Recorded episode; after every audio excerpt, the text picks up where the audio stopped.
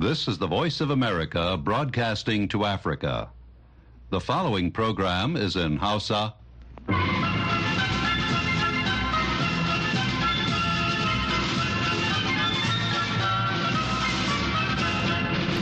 Sashen Hausa na muryar Amurka ke magana daga nan birnin Washington DC.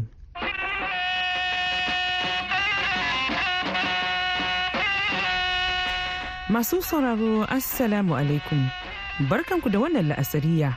Aisha Mu'azu ce tare da Ibrahim Ka'almasi Garba da sauran abokan aiki muke farin cikin kasancewa da ku a daidai wannan lokaci cikin shirinmu na rana yau Alhamis 25 ga watan Janairun shekarar 2024. Kafin ku ji abubuwan da muke tafe da su da farko ga kalin labarai. To Aisha wani babban jami'in Majalisar Ɗinkin Duniya ya yi kiran da a yi duk mai yiwuwa a kare fararen hula biyu bayan wani hari a gaza wanda ya yi sanadin mutuwar farar hula akalla goma sha biyu. Kwamitin sulhu na majalisar ɗinkin duniya zai wani zaman gaggawa a yau ɗin nan alhamis biyu bayan faduwar wani jirgin rasha ɗauke da fursunonin yaƙin ukraine. Sannan binciken wucin gadi na alakanta tashin wata gobara a china wadda ta yi sanadin mutuwar mutane akalla arba'in da aikin walda ba bisa ka'ida ba. To kanin labaran kenan.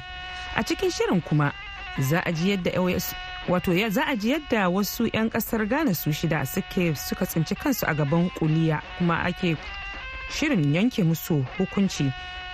Ya ce gare ni hukuncin ishara ce mai ƙarfi ga al'ummar ƙasa ko da wani ya yi yunkurin tada zaune tsaye a ƙasar. Duk wani yunkuri na tayar da ƙayar baya ba za mu lamunce hakan ba. Za a ji ƙarin bayani a cikin shirin. Sannan kuma za a ji cewa wata aron gama da sojojin Nijar suka yi da 'yan ƙungiyar Boko Haram a garin Gigimi a jihar Difa ya sa 'yan ƙasar torfa albarkacin bakin su ko me suke cewa? Talakawa sun ba su goyon baya ɗari bisa ɗari. Ya kamata a ce su masu share ma talakawa hawayensu. In babu tsaro babu lahiya a cikin ƙasa babu komi.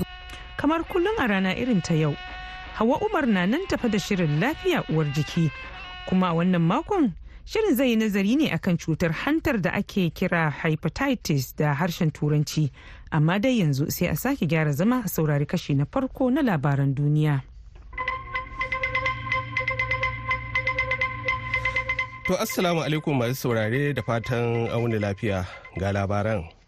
Wani babban jami'in Majalisar Ɗinkin Duniya yau Alhamis ya yi kiran da a yi duk mai yiwuwa a kare fararen hula. Biyo bayan wani hari wanda ya yi sanadin mutuwar mutane a kalla goma sha biyu lokacin da wata tankar yaƙi ta auna wata cibiyar horaswa ta majalisar ɗinkin duniya wadda dubban falasɗinawa ke fakewa ciki. Thomas white daraktan harkokin gaza na cibiyar majalisar ɗinkin duniya unrwa ya ce halin da ake ciki a khan yunis birnin da ke kudancin gaza inda aka kai harin na nuna yadda ake ta samun cikas akai-akai kan batun mutunta ka'idoji masu sauƙi na dokokin jin ai ba za a lamunta da har-harin da ake kaiwa kan farar hula a khan yunis ba ko mutsala zaratin kuma dole a daina ba tare da bata lokaci ba a cewar white. Kwamitin sulhu na majalisar ɗinkin duniya zai wani zaman gaggawa yau alhamis bayan da wani jirgin saman sojin rasha na jigila ya rikito daura da kan iyakar rashar da ukraine. Da jami'an rasha da na ukraine na kiran da a yi bincike ɓangaren rasha dai na zargin ukraine da kakkaɓo jirgin wanda ya faɗo jiya laraba a yankin belgorod. Rasha ta ce jirgin na ɗauke da mutane 74 ciki har da fursunonin yaƙin ukraine 65 waɗanda aka shirya cewa za a yi musayar fursunoni da su. Ministan harkokin wajen rasha sergei lavrov wanda tuni ma ya iso birnin new york saboda tarurrukan da za a yi a wannan makon a headkwatar majalisar ɗinkin duniya ya zargi ukraine da kaddamar da abin da ya kira harin ta'addanci. Shi kuwa shugaban ukraine volodymyr zelensky cewa ya yi gwamnatinsa ta dage kan a kaddamar da bincike a matakin ƙasa da ƙasa. Jami'ai a kudu maso gabashin china yau alhamis sun ce a bincike na wucin gadi na nuna cewa aikin walda ba bisa ka'ida ba a wani ɗakin ƙarƙashin ƙasa na wani gini shine musabbabin tashin wata mummunar gobara gobarar ta hallaka mutane akalla 39 baya ga wasu tara kuma da suka ji raunuka jiya laraba a gundumar yushui na lardin jinshi wannan gobarar ta auku ne 'yan kwanaki kawai bayan da wata gobarar kuma wadda ta tashi a wata makarantar kwana a lardin hanan ta kashe yara goma sha uku. Nan ba da jima ba ibrahim zai dawo ya karanto mana kashin labaran na biyu. Kafin nan za mu buɗe taskar rahotanninmu daga ƙasar ghana. Bayan shafe tsawon lokaci ana shari'a a babban kotun ƙasar. Kotun ta yanke wa mutane shida hukuncin kisa ta hanyar rataya da laifin juyin mulki. An tuhume su da laifuka daban-daban da suka hada da wato da suka hada da hada baki don cin amanar ƙasa da taimakawa ga cin amanar ƙasa da kuma cin amanar ƙasa. Wakilin muryar amurka a accra idris abdullah na ɗauke da ci gaban labarin cikin wannan rahoton da ya mana. An yanke mutanen shida da aka samu da laifin kitsa juyin mulkin hukuncin kisa ta hanyar rataya. Mutane shidan da suka hada da sojoji uku su ne donya kafui wanda aka fi sani da ezo da bright alan debra ufosu wanda yake mai kula da jiragen ruwa ne. An same su da laifin hada baki da cin amanar kasa. Yayin da johan zigby wani ma'aikacin farar hula na rundunar sojojin ghana shi kuma an same shi da laifin hada baki wajen aikata babban cin amanar kasa sojoji uku da aka yanke hukuncin sun hada da warrant officer esther sandekuwini da lance kofur ali solomon da kofur sylvester akampeon an same su da laifin hada baki wajen aikata cin amanar kasa dukkan waɗanda ake zargi da hannu cikin lamarin sun musanta aikata laifin. An jibge 'yan sanda ɗauke da manyan makamai a harabar babban kotun a ranar laraba a yayin zaman sauraron karar da kuma yanke hukunci. Anthony janar ɗin ƙasar ghana godfrey debua wanda ya shigar da karar ya yaba da sakamakon hukuncin domin ya zame ishara ga masu niyyar aikata hakan And for me, it sends a strong signal to the nation that any attempt at all to destabilize the nation, any attempt to organize overthrow the constitution will not be countenanced and will be taken quite seriously. ya ce gare ni hukuncin ishara ce mai ƙarfi ga al'ummar ƙasa ko da wani ya yi yunkurin tada zaune tsaye a ƙasar duk wani yunkuri na tayar da ƙayar baya ba za mu lamunce hakan ba domin mun ɗauki hakan da muhimmanci. Sai dai babbar kotun ta wanke kwamishinan 'yan sanda benjamin agojo da jami'in soji kanar samuel kojo gameli da kofur saidu abubakar benjamin agojo ya ce Ah, it is joy we give glory to God. He alone has made it. You heard the judgment and you saw all the rebuttals. I, did, I don't need to talk again. They knew it was falsehood, but they continued to perpetuate it and push it hard. It didn't work.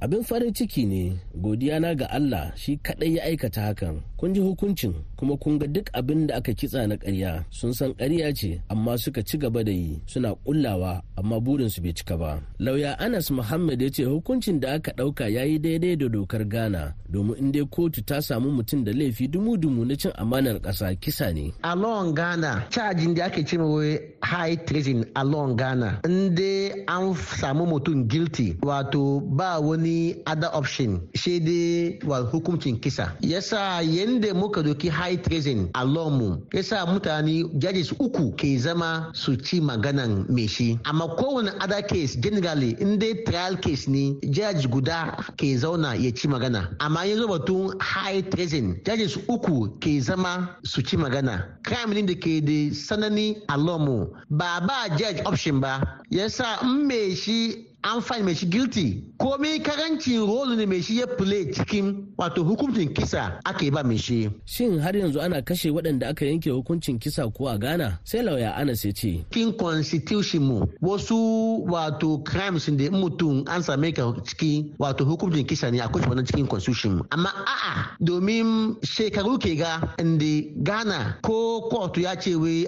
wato ya yanke hukuncin kisa ba ba eh, wa zantarwa wannan hukunci ɗaya daga cikin lauyoyin mutane shidan Victor Adaudu ya ce za su garzaya kotun kuli domin kalubalantar hukuncin Idris Abdallah Bako sashen Hausa na muryar Amurka daga Accra Ghana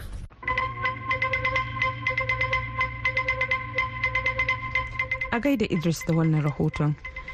Sashen Hausa na muryar Amurka ake saurari daga nan birnin Washington kai tsaye. Yanzu ga karashen labaran duniya. To Aisha, babbar kotun Hong Kong ta tabbatar da samun wani fitaccen ɗan raji da laifi kan saba ma dokar hana gangamin tunawa da murkushe zanga-zangar kare tsarin demokaradiyya a dandalin tunamen na shekara ta 1989 wanda wannan shine na baya-bayan nan a ci gaba da samun koma baya da magoya bayan tsarin demokaradiyya ke yi. Chu hang tung wanda shine tsohon jigo a haramtacciyar ƙungiyar 'yan kishin ƙasa masu kare tsarin demokaradiyya an yanke masa hukuncin ɗaurin watanni goma sha biyar a kurkuku saboda zugawa a yi gangamin wanda tuni 'yan sanda suka haramta a lokacin annobar covid-19. Tsohon mataimakin shugaban gamayyar ƙungiyoyin rajin kishin ƙasa da kare demokaradiyya ɗin tun ya ce and we are very disappointed in how our court have been failing to safeguard our right to a gafarce mu ta ce mun yi takaicin yadda kotunanmu ke kasa kare 'yancinmu na yin gangami cikin lumana da kuma furta albarkacin bakinmu kotunanmu na ta jaddada cewa babu waninmu da ya fi wasu 'yanci. To amma ai ba su muke a ba mu 'yanci fiye da wasu ba. Yancin da muke da shi a ƙarƙashin kundin tsarin mulki muke so a ba mu a ƙarƙashin doka a ƙarƙashin ƙudurin dokar 'yancin ɗan adam. A ƙarshe mutane akalla talatin aka kashe baya ga wasu da dama da aka raunata a jihar filato ta yankin tsakiyar najeriya a wasu jerin hare-hare da aka kai a garin mangu. Duk wada dokar hana fita da gwamnatin jihar ta kafa a cewar wani mai magana da yawun al'umma. Hare-haren na wato tsakanin manoma da makiyaya da kuma tashe-tashen hankula tsakanin al'ummomi ba bakon abu ba ne a yankin tsakiyar najeriya.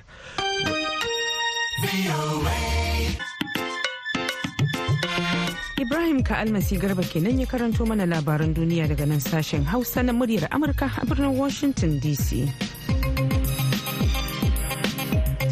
yanzu kuma sai rahotonmu na biyu wanda zai kai mu jamhuriyar Nijar.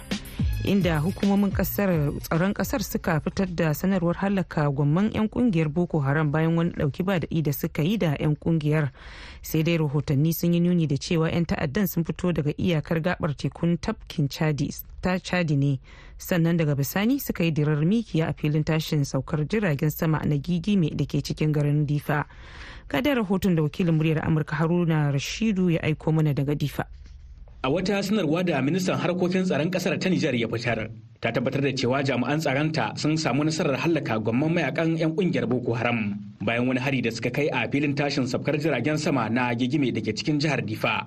To sai dai sanarwar ta kara da cewa 'yan ƙungiyar boko haram din sun fito ne kan iyakar gabar tekun tafkin chadi sun kuma shigo yankin nagigi mai tare da manya-manyan makamai inda suka kwashe tsawon sa'o'i da dama suna musayar wuta tsakanin su da jami'an tsaron gami da karar fashewar waɗansu ababe masu kama da bama-bamai a cewar mazauna yankin da lamarin ya faru.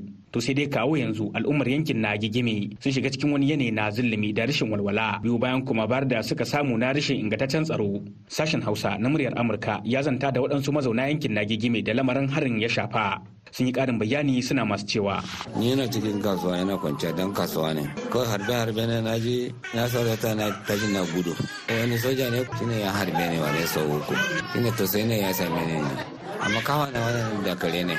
Kartushi ne ya goge ni shi ne aka kawo nan waje. A wannan tashin hankalin da aka yi jiya ina ji ciwo kafar duka take mu sai dai in ci Allah ka mana zaman lafiya Allah ya kare gaba. Kartushi na dare wannan shine aka kata ba hannu na wannan karama ba ya saka ciki ba. Shine na zo wajen likita. To sai dai wannan lamari ya zo daidai lokacin da matsalar tsaro ke ƙara rancabewa a jihar ta Difa musamman ma yankin gegime da lamarin ya fi kamari.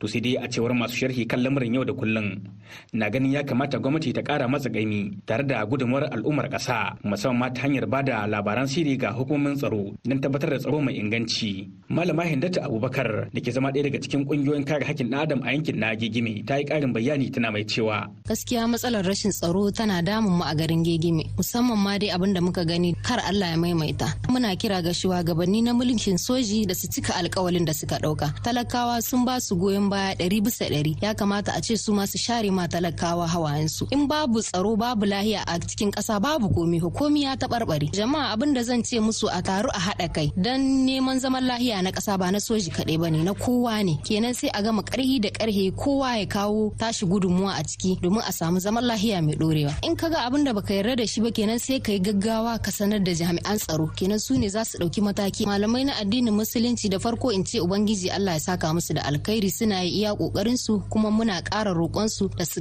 ƙara yin addu'a su ƙara sa ƙasa da jami'an mu na tsaro cikin addu'a. Allah ya tabbatar mana da zaman lafiya. Daga bisani jami'an tsaron bayan sun yi nasarar fattakar gwamnati 'yan ta'addan sun kuma ta sakayar waɗansu daga cikin su to sai dai a ɓangaren jami'an tsaron ba a samu asarar rayuka ba sai goma daga cikin su sun samu raunuka inda suna can suna samun kulawar jami'an kiwon lafiya sanadiyar ɗauki ba daɗin da suka jima suna yi tare da abokan gaba.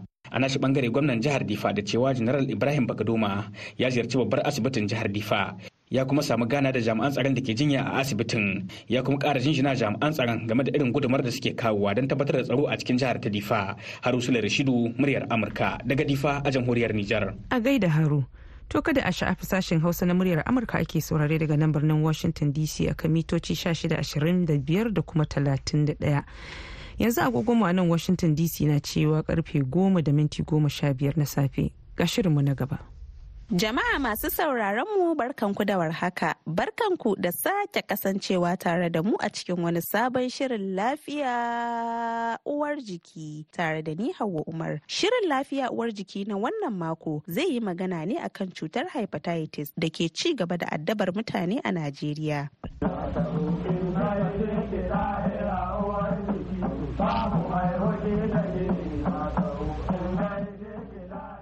Hepatitis wani ciwo ne da ke shafar hanta kuma yakan kawo kumburin hanta da kuma ciwo.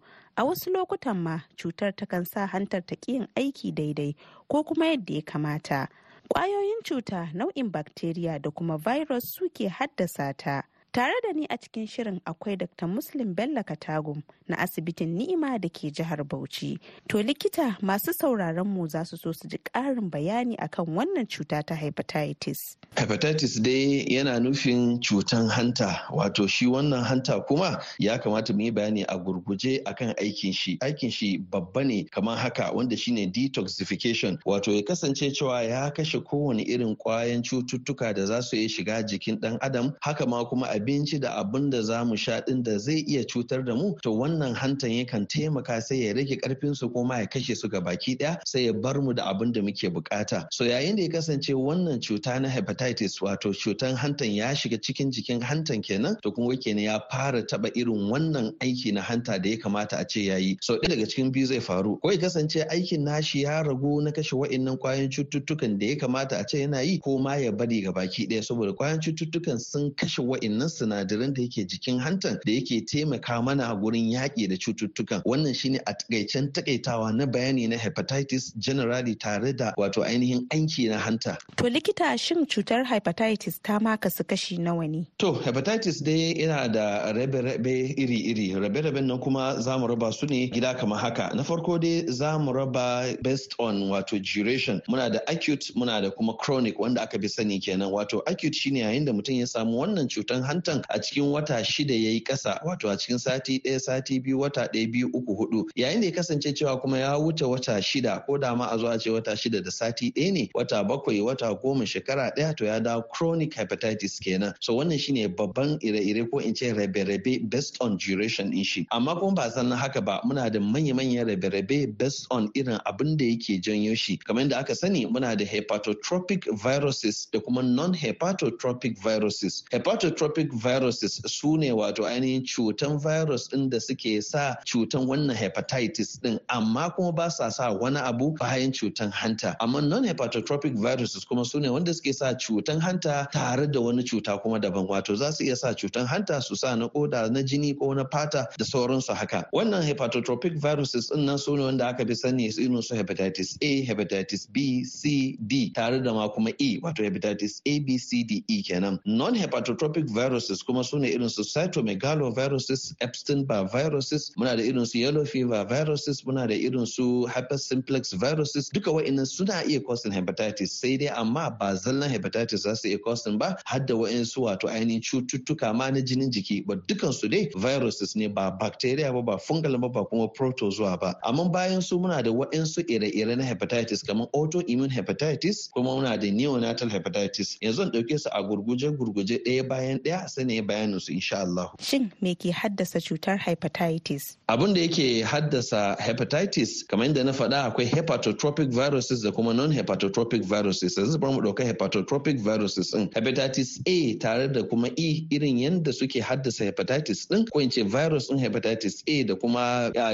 E yadda suke haddasawa suna kamanceceniya. Yawanci akan same shi ne daga abin da mutum ya ci ko kuma ya sha wato fecal oral route kenan wato ya kasance cewa daga abin da mutum ya sa a bakin shi akwai wannan cutar hepatitis ɗin a ciki wanda wani wanda yake da cutan ya watsa wa mutane ta fannin kama a ce abinci ta fannin abin da mutum yake sha. Kuma an fi samu ne ko in ce an fi ganin su ne musamman shi hepatitis A da E din kenan ga wanda suke tafiya daga wani gari zuwa wani gari suke sayan abincin kan hanya. Be it ruwa ne ko kuma abincin kan hanya. Musamman abincin kan hanyar da aka ce aka soya shi ko aka dafa shi ko aka hada shi ba wanda yake rufe ba kama a ce maka biskit da dan dama dama amma ga biredi ma wannan da mutum zai iya saya. Balle har mutum ya je yana sayan alal misali in su lemu ko kuma gyada ko mutum ya sayi fura da nono ko wani abu duk ba laifi ba ne. Amma kuma chance ko mun ce za a iya samun wa'annan hepatitis A da E din so sai sa almost kashi 80 zuwa 90 ga wanda suke da hepatitis A ko kuma E sukan zo mana ne yayin da ya kasance cewa sun yi tafiya sati ɗaya ko kuma sati biyu da ya wuce. So ga matafiyin da yake tafiya da gari zuwa gari wanda tafiya baya masa wahala ko kuma irin yanayin aikin shi ko kuma aikin ta in dai ba su kiyaye abin da yake shiga bakin su ba to za su iya samun wa'annan nau'i na hepatitis A ko kuma hepatitis E. Sai dai daɗin su in Allah ya yi to yawanci sukan warke a cikin ɗan satuka cikin watanni ba tare da ma an ba da magani ba. Amma wata rana in ya kasance ba su warke ba to suka yi muni sosai har sai kasance cewa sun jawo illa ga hanta wani abu shi hepatocellular carcinoma. Amma wannan kan ɗauka lokaci sosai kuma bai cika faruwa ba. Amma in dai ba a kiyaye ba tabbas in ya zo baya da wani standard maganin da zaka zo ka ce ga maganin shi shi sa rufin asiri shine yayin da mutum zai tafiya kada kasance ya sai komai a hanya kyanta ya samu ya dafa abincin shi ya tsara kayan shi a garin su ya sa a jakan shi sai ya tafi da shi illa in dai akwai wani guri reliable kamar restaurant da an tabbatar da tsaftan su da kuma iya abincin su da korewancin su gurin tsafta da sauran su to ba laifin mutum in ya sai abinci a gurin To likita mun fahimci cewa akwai nau'ikan cutar.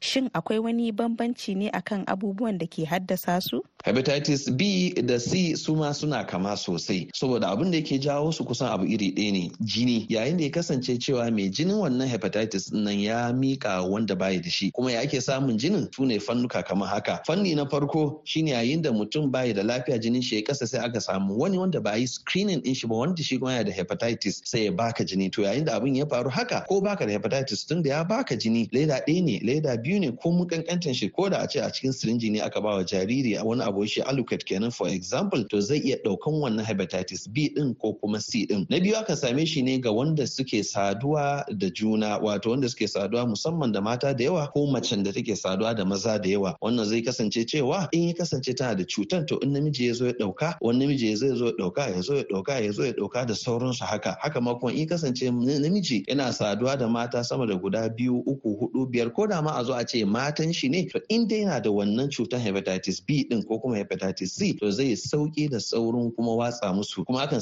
same shi ga wanda suke aikin shaye-shaye wanda musamman suke allurayya a jikinsu don su ji daɗin wannan abin shashayen da suke yi din to yayin da kasance wannan ya ja alluran ya maka a jikin shi mika wancan ya mika wancan wancan ya mika wancan suna amfani da wannan siniji iri ɗin ko kuma alluran iri ɗaya ko kuma shi needle ɗin iri ɗaya to ba abun mamaki ba ne kasance ɗaya ya mika wa sauran. To sai in aka ce maka mutum yana da hepatitis B ko hepatitis C abin da zai fara karkatowa hankalinka shine ta jini da kuma saduwa da kuma wani abu wanda ya hada da jini dai. Ko matsalolin wayannan hepatitis C din tare da hepatitis B din yana da muni saboda yawanci su ne wanda sukan samu har da acute tare da kuma chronic wato yakan iya aukuwa na cikin wannan watan da na faɗa. Hakan ma kuma yakan wuce watan da na faɗa sai ga yayi shekaru a jikin mutum. Kuma yawanci su ne suke zuwa da consequences wato suke zuwa da manya-manyan illoli yayin da mutum in ya kasance yana da su bai yi wani abu akai ba. Sai sa ake tsoron ga wani a tsoron mutumin da yake da wannan hepatitis B da C din. Yasa alhamdulillah ana da ma vaccine ko in ce ana yin immunization wato rigakafin su ga wanda bai da shi. Amma in ya kasance kana da shi ba a buƙata ka je ka yi wa'ansu yakan kawo musu kansa na hanta tare da illoli daban-daban. Sai sa in mutum ya zo yi sai an yi screening din shi an tabbatar da bayi da shi kafin a bayar. Wato rigakafi ne ba wai magani ba. Shi kuma hepatitis D akan same shi ne yayin da mutum yake da hepatitis B wato A B C D. Ba ka samu D din ba sai kana da B. So in ya kasance cewa mutum yana da hepatitis B to ya sani cewa zai iya samun wannan hepatitis D din. Amma daɗin ta in ya kasance baka da hepatitis B ba za ka taɓa samun hepatitis D ba. D for delta B for example beta. Yayin da ya kasance mutum yana da hepatitis B ɗin nan kuma ya zo ya samu D a haɗe ana kiran su co-infection. Amma yayin da ya kasance mutum hepatitis B yake da shi zalla sai bayan wa'insu satuka ko kuma watanni ko ma shekaru ya samu hepatitis D ana kiran shi super infection wato kana da B kenan kuma kana da D a haɗe. Wannan abin ya nuna cewa ya fara yin muni kenan sosai. Autoimmune hepatitis kuma duk ya fi tsoratarwa a cikin su amma alhamdulillah bai cika aukuwa a cikin al'umma ba. Shi kuma ba komai ba ne yake nufi illa sashin jikinka ne da ya kamata ya kasance ya kare ka daga ɗaukan cututtuka ya kare hantanka. To shine yake kuma attacking hantanka. Wato shine yake jawowa wannan hepatitis a anta hantanka. Isa daga watan auto yana nufin automatic immune wato shi immune system ɗinka sai kasance wani abin da har yanzu ba da isasshen ilimi a kai sai shiga cikin hattan. Ya shiga cikin hattan sai fara sawa. Duk wasu alamu mai hepatitis da ka sani yake da shi sai shi ma ya fara nunawa kuma ya fi wahalan sha'ani saboda ba wanda ya sai ce maka ga standard maganin shi saboda kamar a zo a ce maka wato ainihin kaman hukumar tsaron da ya kamata a zo a ce sun kare gari ne to sai kasance cewa kuma sun ɗauka makamai sun zo suna yaƙi da wannan garin da ya kamata a ce sun kare su. Kun ga kenan yan gari in akwai wanda ya kamata a ce sun kai kara ba su da shi saboda wanda ya kamata su kai karan su ne suke attacking musu so that exactly abin da ke faruwa akan autoimmune hepatitis. Neonatal hepatitis shine wanda ake samun su a jariran da aka haifa daga yanzu zuwa kwana 28 wannan kuma yawanci in daga inda aka haifa haihuwan ne ya kasance abubuwan da aka yi amfani da shi ba su da kyau ko kuma aiki da aka yi for example na CS a environment din da bayi da tsafta ko kuma mahaifiyar tana da shi kuma she not on any treatment. So ba amma ba ne za ta iya mika masa wato wani abu shi congenital hepatitis kenan. Amma wannan bai dan ci faruwa ba shi ma a cikin al'umma ko kuma a cikin wannan environment din da muke da shi. Kamar yadda na faɗa na yi bayani akan non hepatotropic viruses wanda su ma cytomegaloviruses yellow fever tare da sauran duk wanda na faɗa su ma suna causing hepatitis. To kada kasance mun manta da su mutum ya je ya samu baya da hepatitis A B C D da kuma E a ce kuma yana da hepatitis. Ya tambaya wani iri ne a zuwa ce masa ba a san wani iri ba ne. A'a an sani sai dai ba dole kasance cewa an san tabbas cytomegalovirus ne yellow fever ne herpes simplex virus ne ko kuma epstein barr viruses ne tare da sauransu. Masu sauraron mu kada ku sha'afa shirin lafiya uwar jiki ne ke zuwa muku daga nan sashen hausa na muryar amurka kuma a latilas nan za mu da sa'aya a cikin shirin sai a tare mu a mako mai zuwa don jin alamomin cutar hepatitis da ma wasu muhimman batutuwa ko kuma bayanai akan cutar. A madadin dukkan abokan aiki da suka taimaka ganin shirin ya zo muku sai kuma likitan da muka kasance tare da shi a cikin shirin wato dr muslim bello katagum. Ni hawa umar da na shirya na gabatar a kullum nake cewa rigakafi ya fi magani. Mu huta lafiya. A gaida hawa wannan ne kuma ya kai mu ga shirinmu na ƙarshe wato labarai amma a taƙaice.